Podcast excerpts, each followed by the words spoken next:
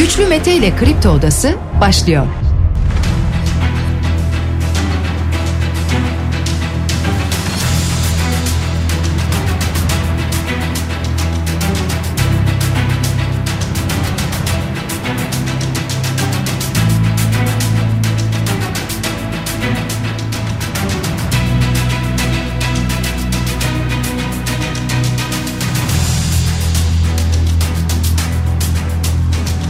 29 Aralık Perşembe sabahından Kafa Radyo'dan Kripto Odası'ndan tüm Türkiye'ye yurt dışında bizi dinleyen dinleyicilerimize günaydın. Hepinize sağlıklı ve güzel bir gün dileyerek her sabah olduğu gibi programımıza başlıyoruz. Bugün de Kripto Odası'nda saat 10'a dek sizlerle birlikte olacağız. Gündemdeki başlıkları değerlendireceğiz. Sizler de görüşlerinizle fikirlerinizle programa katılmak isterseniz Twitter üzerinden güçlü mete yazarak bana ulaşabilirsiniz. Ya da WhatsApp hattımızın numarası 0532 172 52 32 mesajlarınızı mesajlarınızı buraya da gönderebilirsiniz sevgili dinleyiciler.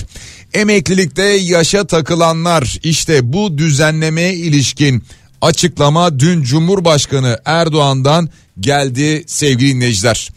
EYT düzenlemesinde bir yaş sınırı yok. Peki detaylarında neler var bunlara da yer vereceğiz önümüzdeki dakikalarda. Türkiye ile Suriye arasında bakanlar düzeyinde bir temas gerçekleşti. 11 yıl sonra nasıl bir temastı, neler oldu, ne gibi duyumlar var bunlara yer vereceğiz.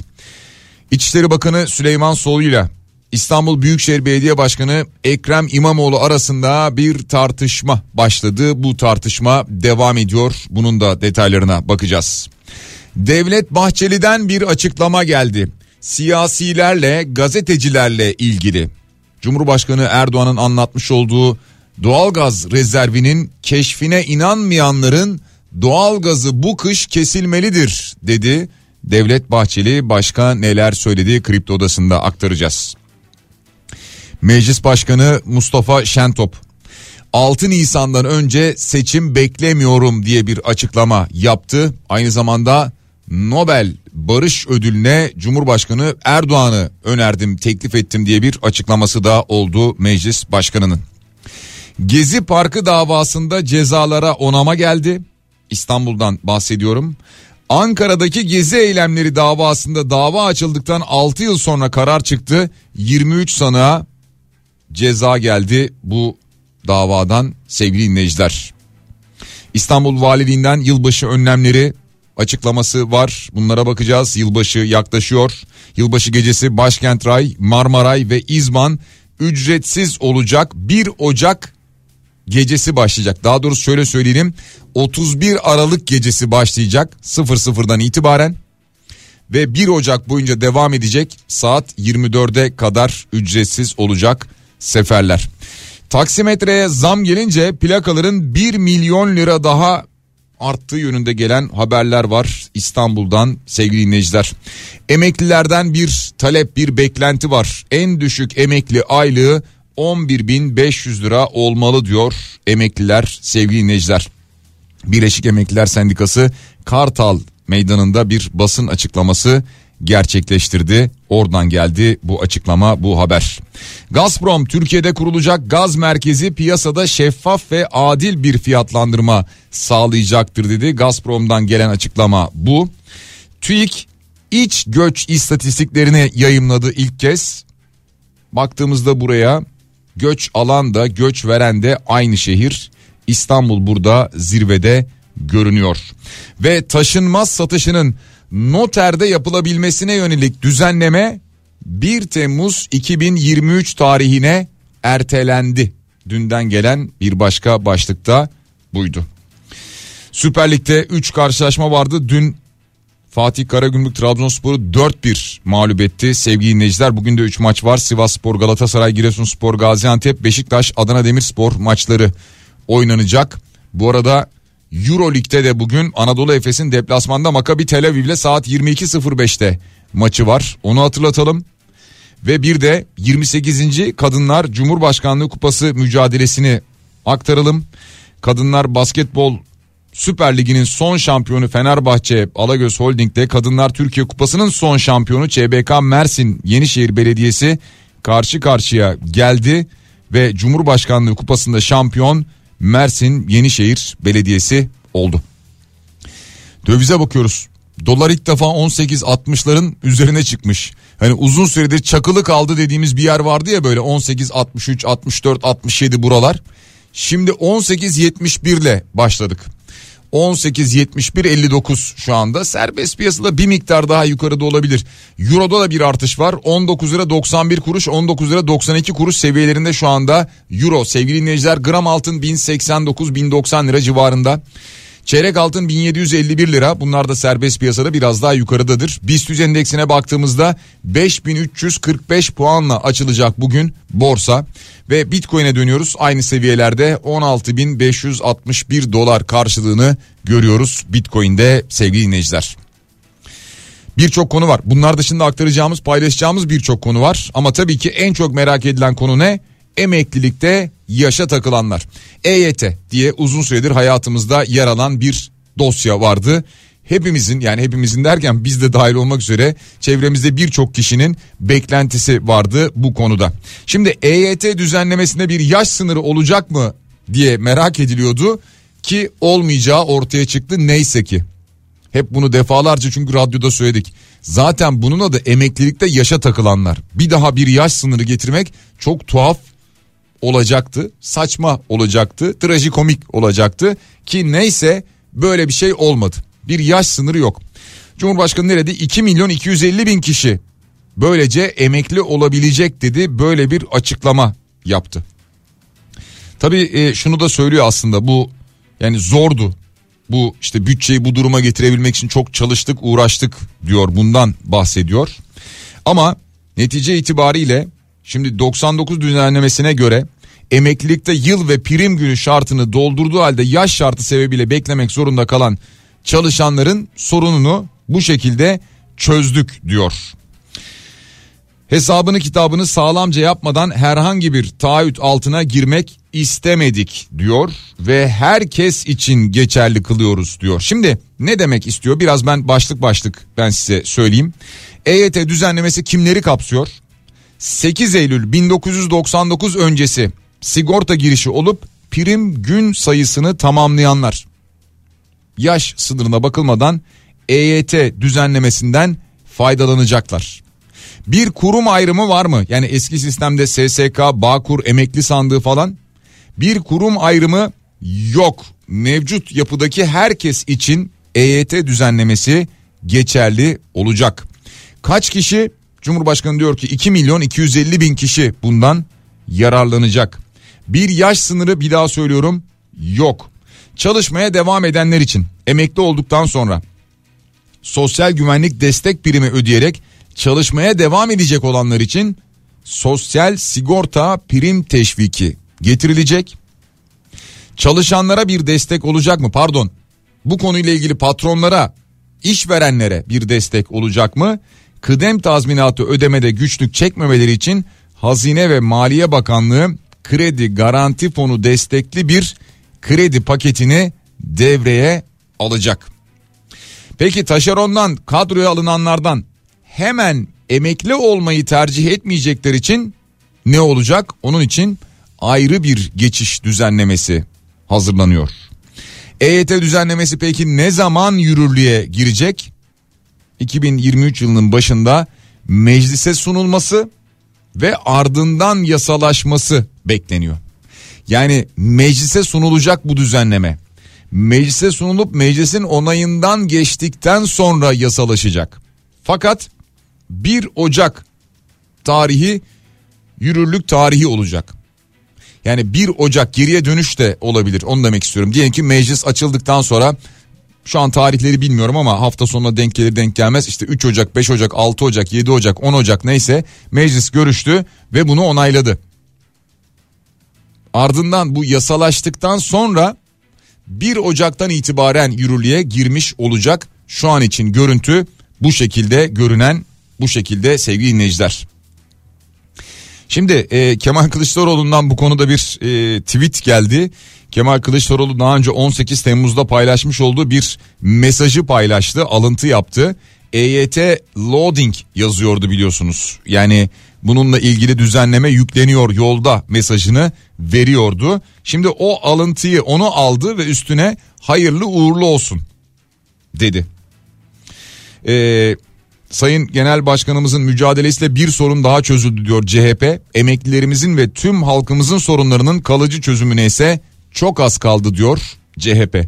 Yani CHP ve Kemal Kılıçdaroğlu sıkıştırıyor, gündemde tutuyor ve bizim sayemizde bunlar çözülüyor diyor CHP. Hükümet böyle adım atıyor diyor. Ee, bu arada Kemal Kılıçdaroğlu bir tweet daha paylaştı bunun ardından. Yine loading yazıyor burada yükleniyor diyor yani. Sıradaki gündemim otomobilde ÖTV sonucu biliyoruz beni yorma Erdoğan diyor. Ee, böyle bir tweet paylaşıyor sevgili dinleyiciler. Şimdi bu emeklilikte yaşa takılanların e, emeklilik düzenlemesine dair Cumhurbaşkanı bir açıklama yapınca herkes bir anda merakla e-devlete girmeye başladı. E-Devlet'ten nasıl öğrenebiliriz diye dün akşam saatlerinde gece saatlerinde veya öyle söyleyelim E-Devlet'e girmek zorlaşmıştı artık. İşte insanlar E-Devlet'e giriyorlar e, bu arama kısmına aylık yazıyorlar emekli yazıyorlar gelir yazıyorlar çıkan sonuçlara göre işte gelir aylık ödenek talep belgesinin verilmesi belgesi var ki işte buna tıklanıyor yeni başvuruyu tıklıyorsunuz. Ha burada enteresan olan bir şey var bu tahsis talep türü olarak yaşlılık aylığını seçmeniz gerekiyor. Yani e, yaşınız artık kaç olursa olsun fark etmez. Diyelim ki e, 49-50 neyse 48. E, siz burada yaşlılık aylığını seçeceksiniz. Bunu seçmeniz gerekiyor. Belki daha sonra bunun adı da değiştirilir. Bunu bilemiyorum. Ama buradan devam eden bir e, yol var. O yol size geri kalanı gösteriyor, tarif ediyor. Ama dediğim gibi aslında mecliste önce bir onaylanacak. Daha sonra işte Cumhurbaşkanı onaylayacak ve yasa haline gelecek. Ondan sonra uygulama başlayacak ama 1 Ocak'tan itibaren yürürlükte olacak deniyor. Şimdiki gelen bilgiler bu şekilde sevgili dinleyiciler. Ee, 7 9 1999'da sigortalı olan bugün emekli olacak. 11 9 99'da sigortalı olan en az 10 yıl daha çalışacak şahane bir sistem oldu diyor dinleyicimiz bu mesajı göndermiş. Şimdi burada bir e, başlangıç tarihi esas alınıyor ya esas alınan tarih neydi? 8 Eylül tarihi dinleyicimiz de bundan bahsediyor. 8 Eylül öncesi 1999 öncesi sigortalı olanlar için geçerli bu. Sonrası için geçerli değil. E, bu tip durumlarda maalesef bu günler birilerini e, fena şekilde etkiliyor. Bu tip durumlarda diyorum mesela hatırlarsanız daha önceki senelerde böyle bedelli askerlik falan çıkarıldığında da işte ah bir günle işte bu yılı da kapsasaydı ne olurdu gibi e, bir takım sitemler oluyordu. Bunda başka bir düzenleme yapılır mı bilmiyorum. Yani daha farklı bir düzenleme olacağını ben şu dakikadan sonra zannetmiyorum. Yani şu andan sonra böyle bir şey olmaz bence ama hani 99'un biraz daha yani 8 Eylül'ün biraz daha önüne çekelim, yıl başına çekelim falan gibi bir şey olur mu? Ee, veya yıl sonuna çekelim pardon yanlış söyledim. Böyle bir şey olur mu? Pek sanmıyorum. Olacak olsaydı zaten bu yapılırdı. Peki e, en çok konuştuğumuz konu EYT. Artık EYT herhalde e, bundan sonra e, gündemimizden kalkacak. E, bu dakikadan sonra şunu konuşacağız tabii ki.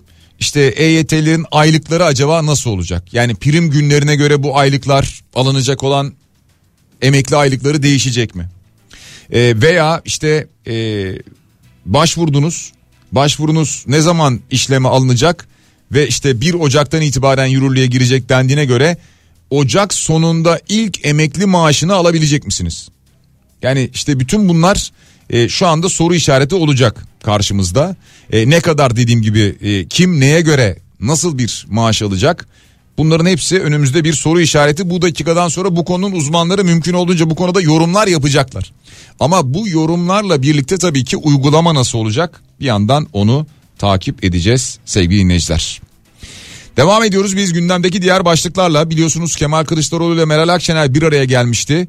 E, bu toplantının ardından acaba nasıl bir haber gelir diye merakla bekleniyordu. Ki bu toplantıdan çok detay bir bilgi gelmedi ama daha önce de söyledik gelen duyumlara göre ağırlıklı olarak bu e, AK Parti'nin MHP ile birlikte gündeme getirdiği e, anayasa değişikliği yani özellikle işte bu özel yaşam kadınların e, giyim tarzı e, özgürlükleri e, işte e, başörtüsü konusu buna ilişkin de bir görüşme oldu. Çünkü İyi Parti bazı düzenlemeler olursa o hal oluştuğunda biz buna onay veririz diyordu. E, CHP ise buna karşı çıkıyordu. Bu konunun e, mesela gündeme geldiği muhtemelen. Bununla beraber tabii ki arada bazı fikir e, anlaşmazlıkları olabilir. İki siyasi partinin taban tabana oturması çok zor. E, bunların muhakkak masada olduğu konuşulduğu. Ama buradan sonra çıkışta da böyle bir e, kriz çıkar mı acaba buradan gibi beklentileri olanların da boşa düştüğü bir e, toplantı oldu bir görüşme oldu. E, mesela Kemal Kılıçdaroğlu son derece verimli ve güzel bir toplantı oldu içeriğini aktarmam yanlış olur dedi bundan bahsetti. Yani iyi bir toplantı olduğunu söylüyor son derece güzel diyor verimli diyor. E, biliyorsunuz Meral Akşener ne demişti kendisine masa dağılıyor mu gibi bir soru sorulduğunda niye dağılsın altılı masa dedi. Birlikte kazanacağımızı hep söylüyoruz diye bir açıklama yaptı.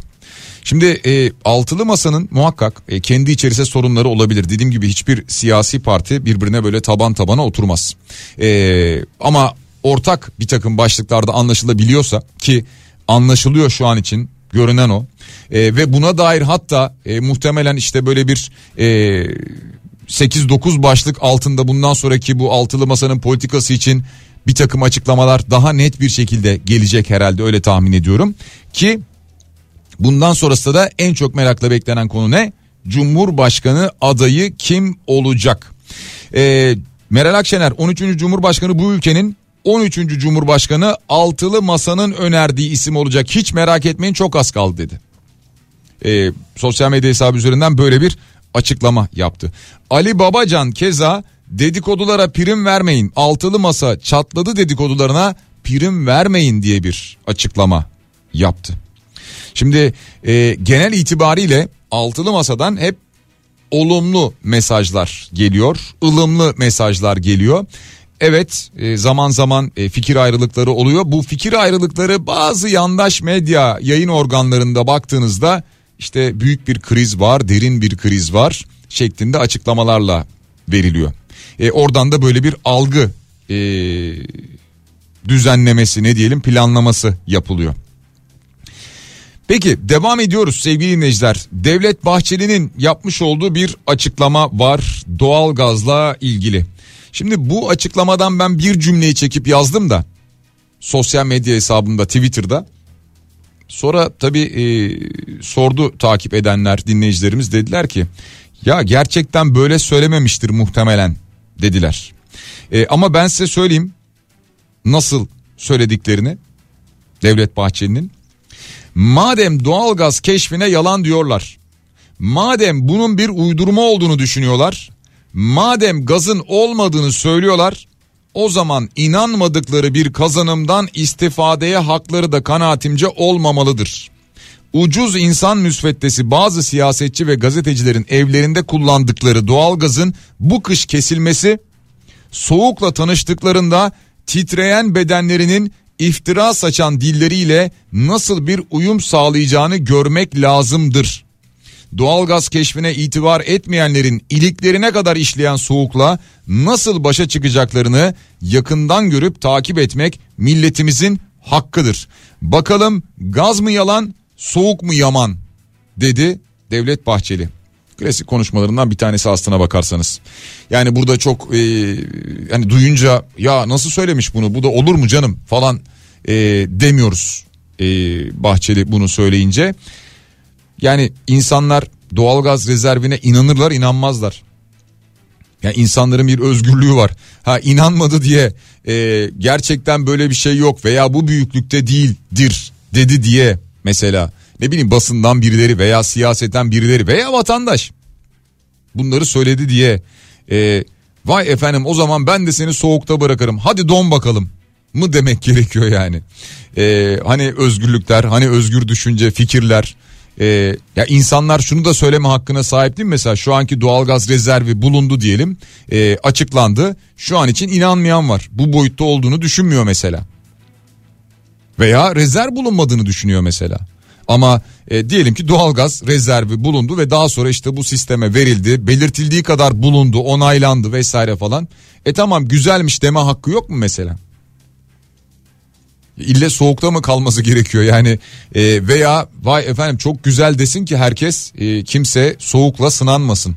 Bunu mu düşünmek gerekiyor? Neyse yani netice itibariyle soranlar vardı da yok canım o kadar da dememiştir. Doğalgazları kesilmelidir diye konuşmamıştır diyenler vardı da e, o nedenle ben hiç e, kendisinin cümlelerini bölmeden kesmeden anlatmaya çalıştım.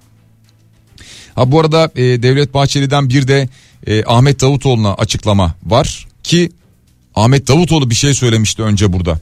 Küçük aklıyla altılı masanın içine fitne sokmaya çalışıyor demişti. E, bunun üzerine Ahmet Davutoğlu'na Serok Ahmet akıldan nasipsizdir. Aklen de zifiri karanlıktır diye bir açıklama yaptı. E, Devlet Bahçeli böyle bir açıklaması oldu. Ee, uzun süredir siyaseten bu tip açıklamaları karşılıklı böyle duymuyorduk değil mi? İşte e, yine böyle işte yok akılsızdır odur budur bilmem nedir falan filan yine karşımıza çıkmaya başladı şu ara. Ama seçim yaklaştıkça herhalde biraz daha fazla duyacağız maalesef öyle görünüyor. Sevgili dinleyiciler dün Ekrem İmamoğlu İstanbul Büyükşehir Belediye Başkanı dün açıklama yaptı biliyorsunuz. Dün sabah programda konuşmuştuk. Bizim yayınımızdan sonra saat 10 civarı başlayacak olan bir basın açıklaması var diyorduk ki bunu yaptı. Ee, AK Parti dönemi İstanbul Büyükşehir Belediyesi yönetiminde görev alan bazı kişilerin silahlı terör örgütü yöneticiliğinden sabıka kayıtlarının olduğunu söyledi. Ee, ve savcılığa sunulan raporda dönemin İstanbul Büyükşehir Belediye Başkanı Mevlüt Uysal ve İstanbul Büyükşehir Belediyesi yöneticileri hakkında da işlem talep edilmişse bir lafı olmayacağını söyledi. O raporda sadece Ekrem İmamoğlu ve yine o dönemin yani İmamoğlu'nun yöneticilerinin suçlandığı bir olay olursa varsa sadece böyleyse gök kubbeyi başınıza yıkarız diye konuştu mesela Ekrem İmamoğlu. Aynı zamanda İçişleri Bakanı Süleyman Soylu'ya da yüklendi.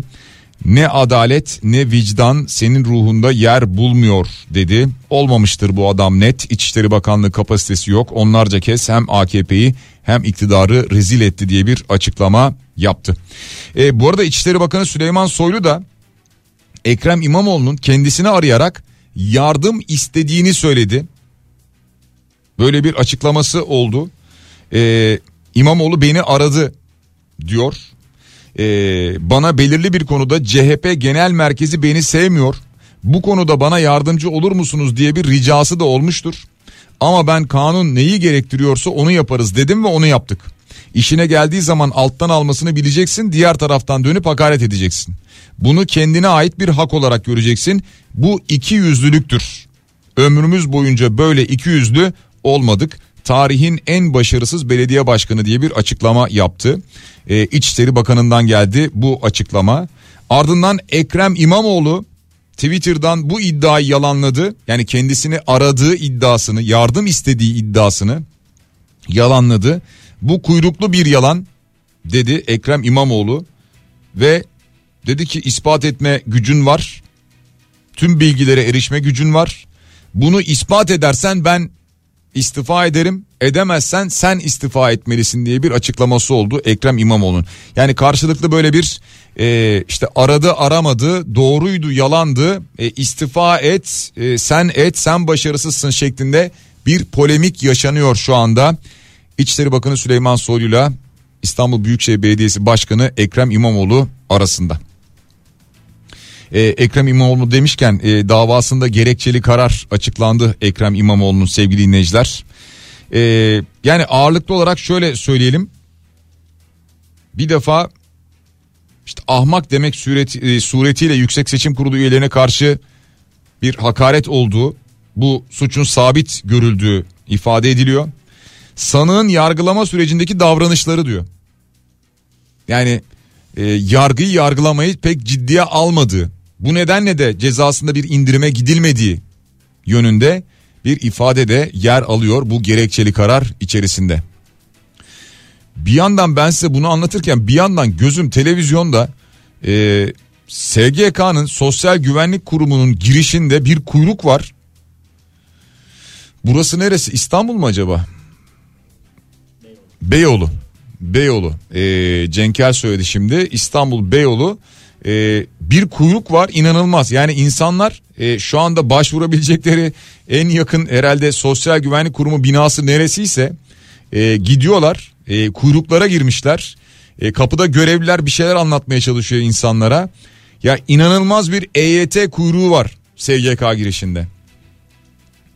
Tabii ya insanlar doğal olarak haklarını hemen almak istiyorlar. Bu kadar beklemişler. E, hemen almak istiyorlar. Doğru. E, ama keşke burada da böyle bir düzenleme olsa da yani kapıda böyle büyük büyük kuyruklar oluşup orada da insanlar saatler boyu beklemek zorunda kalmasa. E, buna dair detay bilgi muhtemelen bu 1-2 gün içerisinde hızlıca gelecektir diye tahmin ediyorum. Her ne kadar yasa geçmiş olmasa bile meclisten e, bir takım herhalde yardımcı bilgiler ek bilgiler daha gelecektir.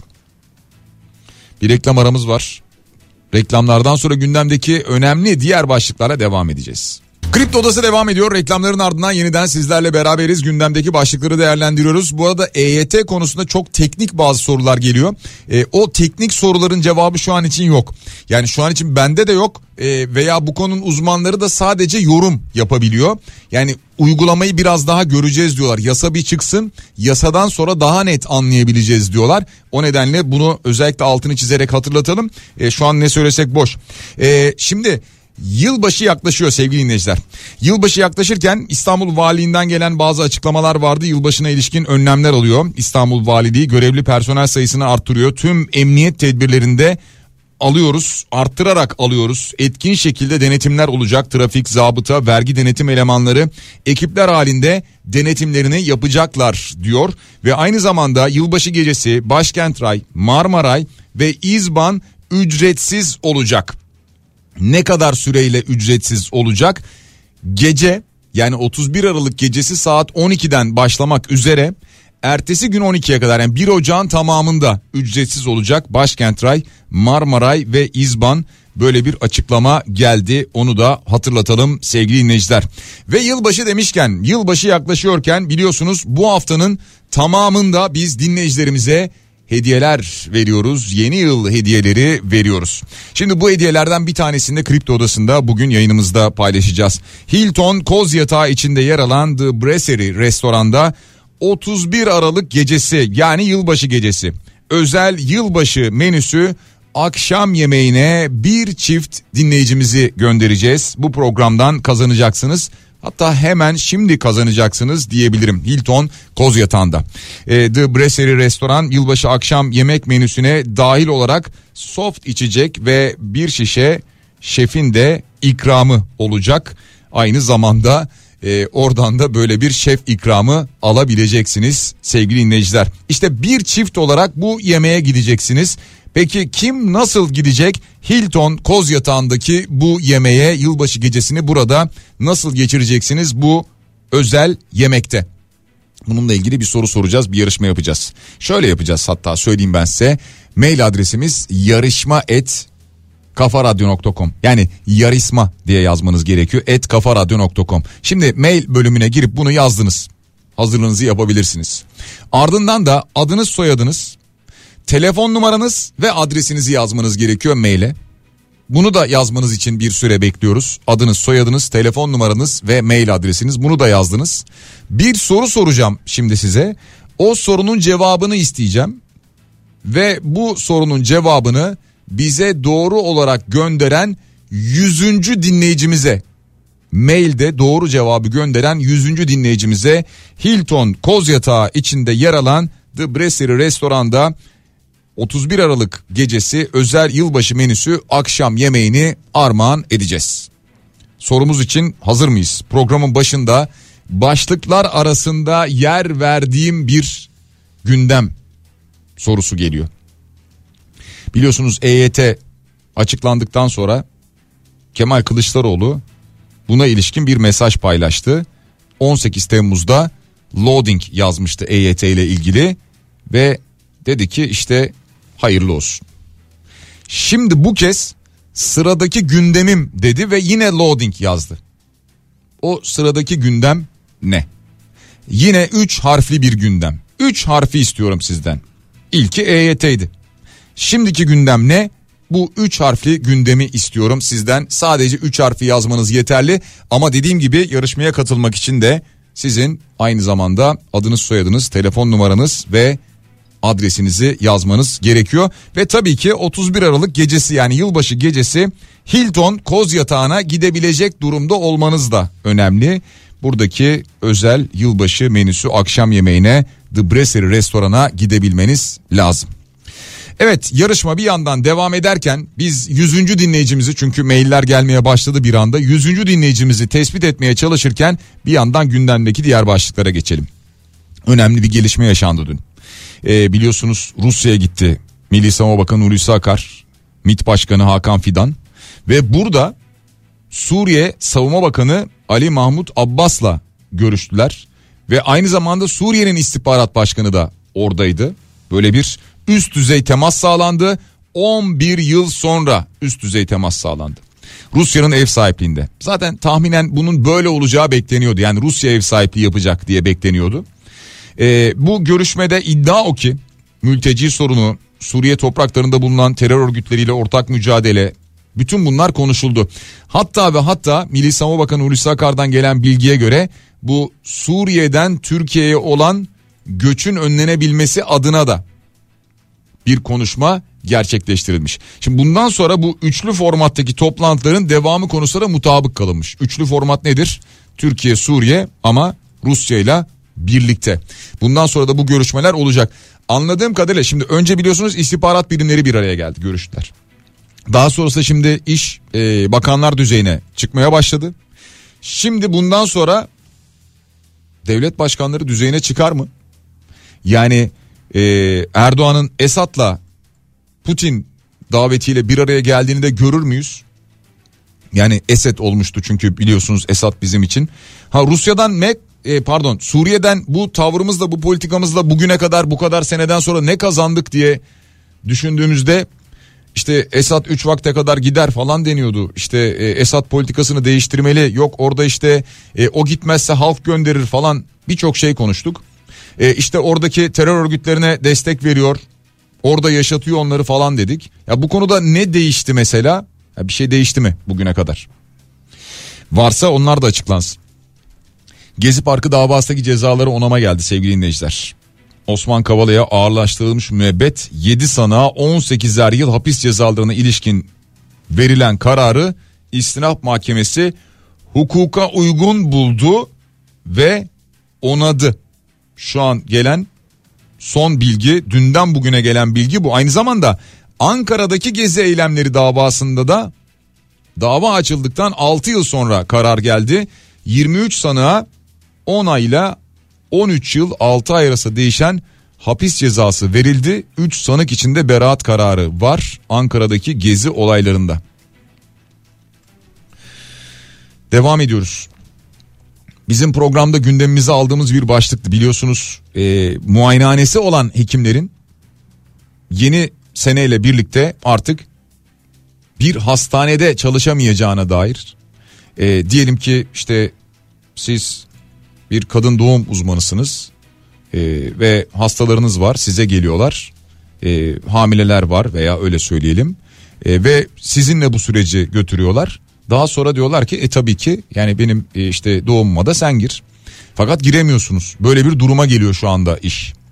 E, işte bununla ilgili bir adım atılır mı atılmaz mı yani muayenehanesi olan hekimler sistem dışına atılıyor. 7 bin hekim aşağı yukarı sistem dışına atılıyor gibi görünüyordu. Buna ilişkin Fahrettin Koca'dan geçtiğimiz günlerde bir açıklama geldi de 7 Ocak'tan önce hazırlanan yeni bir çalışma var bunu duyuracağız dedi. Neden 7 Ocağı söylüyor? Çünkü 7 Ocak'ta yürürlüğe girecek bu yeni düzenleme. Ya bundan önce bunu açıklayacağız diyor, duyuracağız diyor.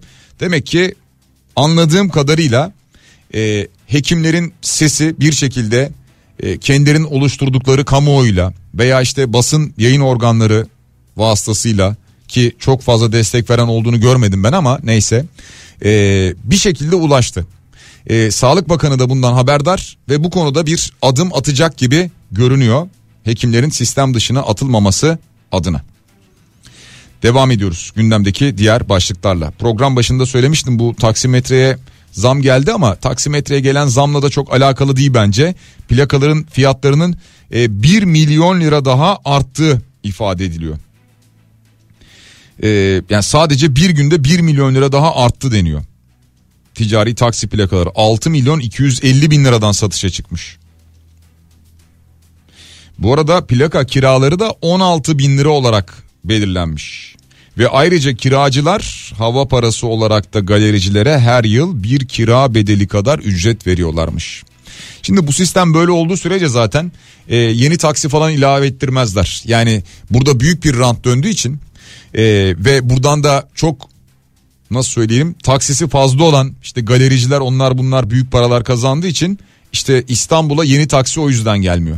Şimdi herkes neyi konuşuyor biliyor musunuz? Yılbaşı geliyor ya şimdi bugün falan İstanbul'da trafik yine yoğun olur. Dün de öyleydi.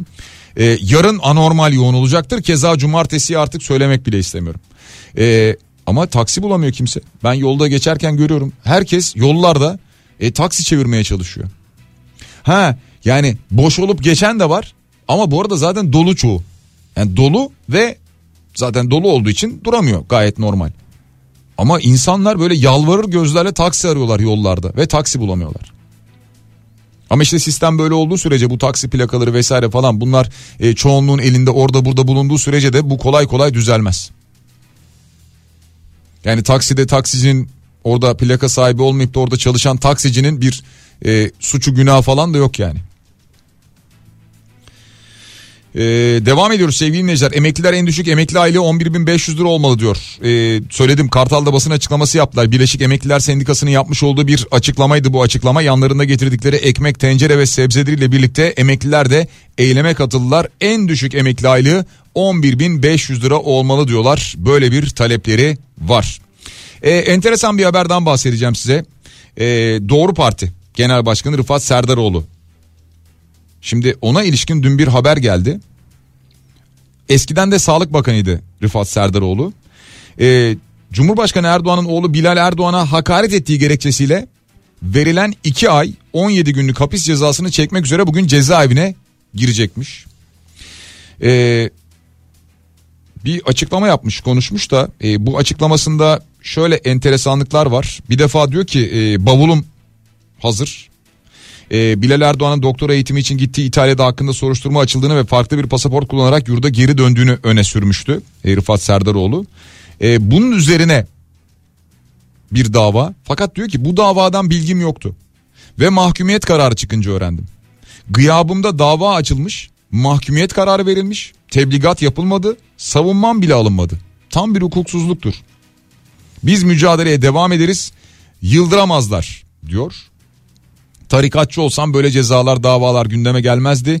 Layık Cumhuriyet ve Atatürk düşmanlarıyla her şartta mücadeleye devam edeceğiz diye bir açıklama yapıyor. Şu kısmı çok enteresan geldi bana. Yani hani dava öyledir böyledir odur budur hakaret vardır yoktur falan o ayrı bir konu da. Yani bir kişi hakkında dava açılıyor. Dava açılan kişinin haberi yok mu? Ve diyor ki yani gıyabında dava açılmış. Benden savunma alınmadı bana tebligat gelmedi diyor ve hakkında mahkumiyet kararı çıkıyor. Yani böyle olabiliyor mu işleyiş yargıda? Bu kısmı çok enteresan. Yani herkesin çünkü başına gelebilir yarın öbür gün de o yüzden merak ediyorum. Bakalım bununla ilgili nasıl bir gelişme yaşanacak bir yandan ona bakacağız sevgili dinleyiciler. Ee, artık programın sonuna geliyoruz. Ee, bu arada kazanan dinleyicimizi açıklayalım hemen. Kazanan dinleyicimiz kim oldu? Hilton Koz Yatağı'nda yılbaşı gecesi özel yılbaşı menüsü akşam yemeğine The Brasserie restorana gidecek olan dinleyicimiz. Burcu Fırat oldu. Tebrik ediyoruz Burcu Fırat'ı. Bir çift olarak yani iki kişi olarak yılbaşı yemeğine, akşam yemeğine katılacak. E, kendisine güzel bir yılbaşı gecesi diliyoruz. Bizi dinleyen herkese de şimdiden daha iyi seneler diliyoruz. Yarın yine beraberiz ama olsun hani bugün dinlersiniz yarın dinleyemezsiniz. Yarın yavaş yavaş insanlar ufak bir yılbaşı moduna geçebilirler. O nedenle şimdiden iyi seneler dileriz. Biraz sonra Bediye Ceylan Güzelce Güzel Şeyler programında sizlerle birlikte olacak sevgili dinleyiciler. Cenkere teşekkür ediyoruz Teknik Masa'da. Yarın sabah aynı saat diliminde yeniden buluşana dek hepinize sağlıklı ve güzel bir gün diliyorum. Şimdilik hoşçakalın.